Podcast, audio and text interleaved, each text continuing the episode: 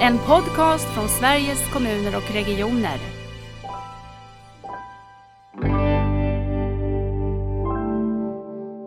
Vi vill ju att hela hälso och sjukvårdssystemet ska utvecklas i, i den goda vård och nära vårdens anda. Att det är ju inte bara en primärvårdsreform utan det handlar ju också om att få hela hälso och sjukvården att samspela på ett nytt sätt och att vi använder resurserna lite effektivare och smartare.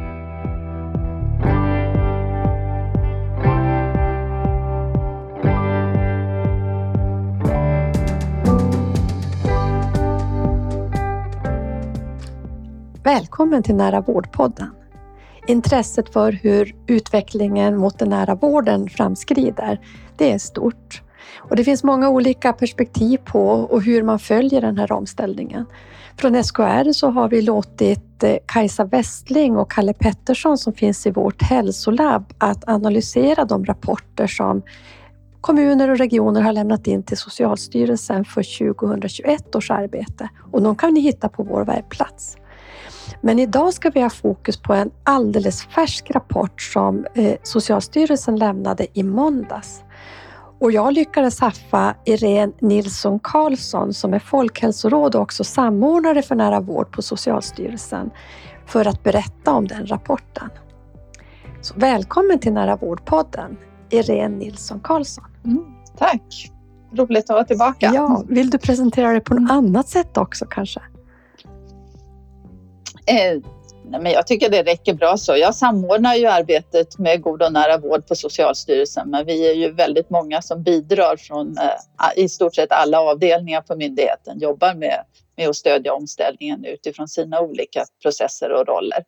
Så att eh, det är ett jätteroligt uppdrag som jag har på, på Socialstyrelsen att få jobba med, med alla de här olika delarna.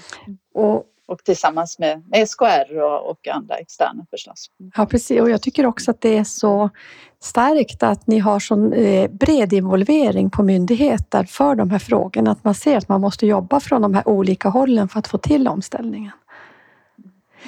Jag tänkte vi ska vara ganska så här konkreta idag och prata, prata om det ni har sett i er uppföljning av framförallt överenskommelsen som är tecknad mellan eh, eh SKR och och eh, socialdepartementet. Men kan inte du berätta om era uppföljningsuppdrag? Hur ser de ut? För ni har ju sådana. Mm. Eh, vi hade ursprungligen tre delar i uppföljningsuppdraget. Det första handlade om att ta fram förslag till ett primärvårdsregister. Eh, och det ligger i regeringskansliet nu, det förslaget. Eh, sen har vi jobbat med att ta fram indikatorer för att eh, följa god och nära vård och eh, det slutredovisades nu i rapporten den 29 augusti. Och i det uppdraget så har vi också då publicerat data på de indikatorer som vi har, har föreslagit. Och de data finns också på kommun och regionnivå, mm. ett urval data som man själv kan plocka hem och titta på. Eh, och det tredje uppdraget det handlar mer direkt om att följa omställningsarbetet i kommuner och regioner och eh, med, med nära koppling då till, till överenskommelsen. Just det. Eh, om vi bara kort säger någonting om de här indikatorerna. Jag var in och kunde lite fördjupa mig i själva rapporten i, igår. Är det någonting du vill lyfta från det?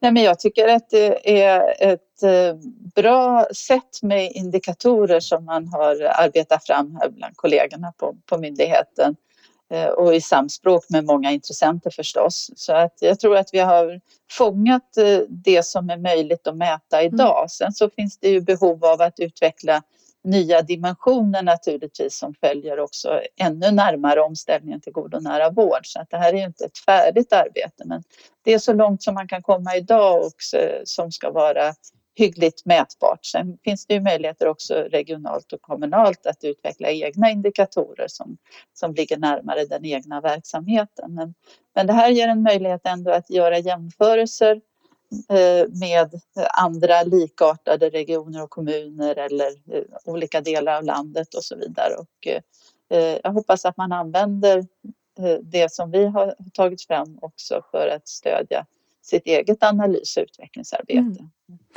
Det finns en stor, ett stort sug och ett stort behov av att kunna följa omställningen.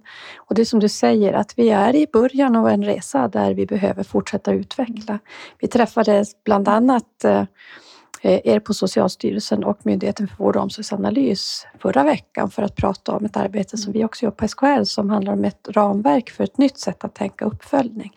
Men det ska vi inte prata om nu, för nu ska vi prata om er rapport.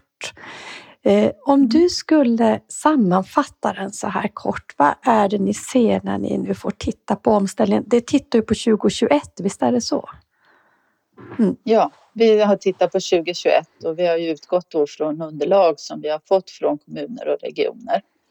Eh, och eh, det, man ska börja och säga då vi ska ju titta på, på hur det ser ut nationellt men det finns ju inte en bild för Sverige. Utan det vi ser i de här underlagen det är ju en rad exempel från olika delar av landet hur man har valt att jobba med, med förflyttningen. Och eh, det finns ju väldigt mycket bra eh, och intressanta exempel som man då kan läsa om i, i rapporten om vad som pågår i olika delar av, av landet i kommuner och regioner. Eh, men det är ju inte riktigt en bild, det, det, har vi svårt att säga utifrån det underlag som vi har. Men eh, det som många ändå lyfter fram det är ju att man jobbar med att bygga strukturer för förändringsarbete. Det. Och det tycker jag ju känns viktigt eftersom jag ser att det här är ett långsiktigt arbete och det var ju det som Anna Nergård också lyfte fram. Hon hade ju en tidshorisont till 2027 och då skulle vi vara ungefär halvvägs nu då. Mm. Men eh, och de fem åren kommer vi säkert behöva för att fortsätta det här arbetet och då är det viktigt att man bygger strukturer som gör att det här blir ett eh, långsiktigt hållbart eh, förändringsarbete. Mm, mm. verkligen. Så det tycker jag är en viktig del. Och att samverkan mellan kommuner och regioner förbättras. Mm. Vi ser ju också att man gör mycket insatser för att undvika slutenvården. Och till exempel när det gäller eh, att involvera ambulanssjukvården på nya sätt. Eh, och eh, digitaliseringen går framåt. Vi får ju också fler redovisningar när det gäller hälsofrämjande insatser. Mm. Så att det händer väldigt mycket positivt ute. Just det. Vilka områden ser, när ni tittar på det här, var ser ni de största utmaningarna? Går det att se det från de här rapporterna? Vi kan ju inte riktigt svara på, på det. Eh, men eh, det jag tänker är ju att det vi ser är ju många exempel på utvecklingsarbete och det vi har lite svårare att se är ju hur, hur brett och djupt når man med de, de insatser som man har, har så här långt. Man behöver jobba vidare tror jag med, med att få en bredd och långsiktighet också i de åtgärder som, som man eh, genomför nu. Eh, om jag ska lyfta fram någonting så, så är det ju att det behöver bli mer attraktivt att söka vård i, i primärvården mm. och man behöver stärka upp primärvården. Om, om primärvården ska kunna ta den här rollen att vara navet och eh, kunna svara för den personcentrerade och samordnade vården för, för den enskilda så måste man ju också ha eh, resurser och eh, arbetsförutsättningar eh, för att kunna ta det, den rollen och eh, på det sättet också då kunna avlasta övrig hälso och sjukvård. vi vill ju att hela hälso och sjukvårdssystemet ska utvecklas i, i den goda vård och nära vårdens anda. Att det är ju inte bara en primärvårdsreform utan det handlar ju också om att få hela hälso och sjukvården att samspela på ett nytt sätt och att vi använder resurserna lite effektivare och mm. smartare mm. och eh, att ta vara på, på personalen på ett bättre sätt än vad vi gör idag. Och det skulle kunna vara ett sånt här område som ändå har ganska mycket utvecklingsbehov framåt, ser du så? Mm. Ja, men det tror jag. Mm. Jag, jag, tror att eh, där behöver man ha ett mm. fokus. Just det säkerställa bredd och eh, stärka primärvården, göra det mer tillgängligt och eh, attraktivt. Vi har ju stöden när det gäller fast läkarkontakt till exempel, men man behöver ju jobba med hela teamen i vården eh, och stärka upp det. Mm. Ja, bara för att flika in, jag tänker mycket på det som också riksdagens målbild om primärvården som navet. Vad innebär det egentligen och hur blir det navet också för oss som invånare att verkligen fortsätta. Nu ska säga att det är också navet för de allra flesta av oss invånare, men att känna den här tillgängligheten och, och tryggheten med primärvården och då måste vi fokusera också där. Jag delar den uppfattningen. När du tittar på utvecklingen, vad gör dig gladast? eh, nej men det är väl just att man har satsat på, på samverkan och att man eh, jobbar eh, mycket mellan kommuner och regioner på ett nytt sätt. Och eh, många av dem är de mest komplexa och största behoven finns ju i den kommunala hälso och sjukvården. Så att just att stärka upp samverkan mellan regioner och kommuner mm. är ju väldigt viktigt. Och där pekar ju IVO-rapporten som kom här om veckan också på att det, är fortsatt ett, ett utvecklingsbehov och det måste ju göras kommuner och regioner tillsammans för att det ska bli bra. Mm, precis. Så att, och då har man ju börjat med att bygga relationerna på den övergripande nivån som vi ser med målbilder mm. och så vidare. Men det vi också säger i rapporten är att vi inte riktigt kan uttala oss om vad som händer på verksamhetsnivå. Det blir ju steg två, att man börjar att bygga strukturerna för samverkan och de behöver säkert fortsätta att utvecklas också säkert. på, på huvudmannanivån. Mm. Jag tror inte man är framme Nej. där. Eh, och där kommer man förhoppningsvis också få stöd av eh, den utredning som finns nu om äldreomsorgslag och där man ju stärker upp den medicinska kompetensen också på ledningsnivå enligt det förslaget. Så att går man vidare där så finns det ju förutsättningar också att, att ytterligare ta steg för att förbättra samverkan mellan kommuner och regioner för att stötta de eh, svaga och eh, de, de grupper som har stora behov av, av hälso och sjukvårdsinsatser mm. inom äldreomsorgen. Mm. Så det är en grupp som jag tycker man ska brinna lite särskilt för. Ja, det delar vi och jag tycker också när jag läser er rapport mm. att eh, att jag ser ni lyfter just fram den samverkan som otroligt viktig och, och, att det också är positivt att det har skett. Därför att jag tror att vi får inte underskatta hur viktigt det är att börja bygga systemet snarare än varje verksamhet för sig och det är ett stort arbete.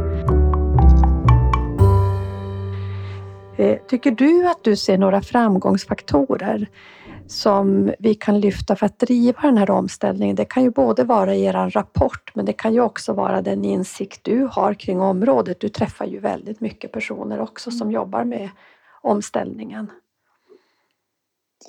Ehm, ja, vi ser väl kanske inte jättetydligt det i, i uppföljningen, men det vi ju ser från från allting som har med implementering och förändringsarbete att göra är ju att det är väldigt viktigt med ledarskapet. Mm.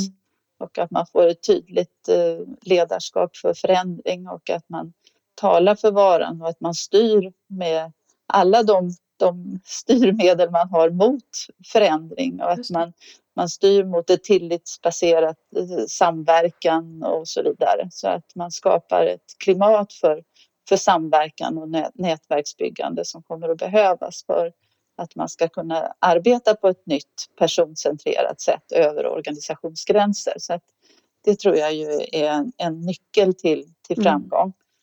Och sen om man ska bli mer konkret så, så handlar det också förstås om att utveckla IT-system och utveckla eh, informationshantering, få mer strukturerad dokumentation så att man kan dela information på ett säkert sätt mellan olika aktörer i vården. Eh, som ju är en annan väldigt viktig del, tänker jag, i, i ett fortsatt utvecklingsarbete. Mm. Och kompetensfrågorna. Mm. De måste man ju fortsätta jobba med och stärka. Mm. Eh, arbetsmiljön och göra det mer attraktivt att finnas kvar och utvecklas i vårdyrkena. Mm. Och att de där frågorna hänger ihop, för jag tror att det du säger om tillitsbaserat ledarskap och ledarskap för förändring, mm. det är ju också attraktivt ur ett eh, medarbetarperspektiv att få jobba i en sån organisation som vill utvecklas och som mm. har ett ledarskap som bygger på tillit. Ja, absolut. Ja, men så tror jag också och att man skapar mer förutsättningar för kompetensutveckling och forskning och också inom primärvården är ett sätt också att göra det mer attraktivt. Mm. Eh, nu blir man ju nyfiken också på hur ser du att eh, ni från Socialstyrelsen kan fortsätta stödja den här omställningen och driva på att när vi nu får nästa rapport, även om ni inte har ett förlängt uppdrag än, för det kommer väl efter valet säger vi, men för så är det väl, ert uppdrag att följa det avslutas nu 20, det är nästa år ja, vi ska följa den här överenskommelsen också, det är ja. ett år till. Ja men i den mm. Eh, uppföljningen att det har hänt något, hur kan ni stödja från Socialstyrelsen? Mm. Nej, men vi fortsätter ju med uppföljningarna. Det är ett sätt också att stödja förändringen. Och sen jobbar vi ju med våra öppna jämförelser och indikatorer och så vidare. Både för att följa nationellt men också för att stödja att man kan jobba med förändrings och förbättringsarbeten eh, lokalt och regionalt. Så att den rollen har vi ju även fortsatt. Eh, vi eh, jobbar ju också med kunskapsstöd av olika slag. Vi har på gång eh, stöd när det gäller eh, sjukvård i hemmet mm. Eh, som vi jobbar med just nu som jag tror kommer kunna vara viktiga. Verkligen. Vi har ju fortsatt arbete när det gäller fast läkarkontakt och de delarna som är centrala. Eh, och sen har vi våra roller när det gäller Vision e-hälsa till exempel. Så att eh, vi finns ju med inom många olika områden. Och, eh, eh vi tar fram utbildningar man kan hitta på utbildningsportalen och eh, vi har samlat mycket material nu kring god och nära vårdomställningen på Kunskapsguiden. Så att, eh, det kan jag också rekommendera att man går in och tittar där vad vi har att erbjuda. Ja, det rekommenderar Där hittar man också länkar till allt möjligt. Ja, så jag rekommenderar verkligen mm. Kunskapsguiden. Den är mm. väldigt fint uppbyggd. Mm. Hörru, Irene, vad roligt och snällt att du kunde vara med och berätta om er uppföljning. Är det någonting som vi inte har pratat om som du tänker det här måste vi säga i de här sammanhangen också? Eh men det viktiga tänker jag är att vi, att vi fortsätter att samverka och ser möjligheterna och eh, tar vara på de glädjeämnen som finns i framstegen och sen ser vi också att vi har utmaningar att få till det här på bredden. Att vi är på rätt väg. Det var bra slutord. Stort tack för att du ville vara med Irene Nilsson Karlsson från Socialstyrelsen. Mm. Tack.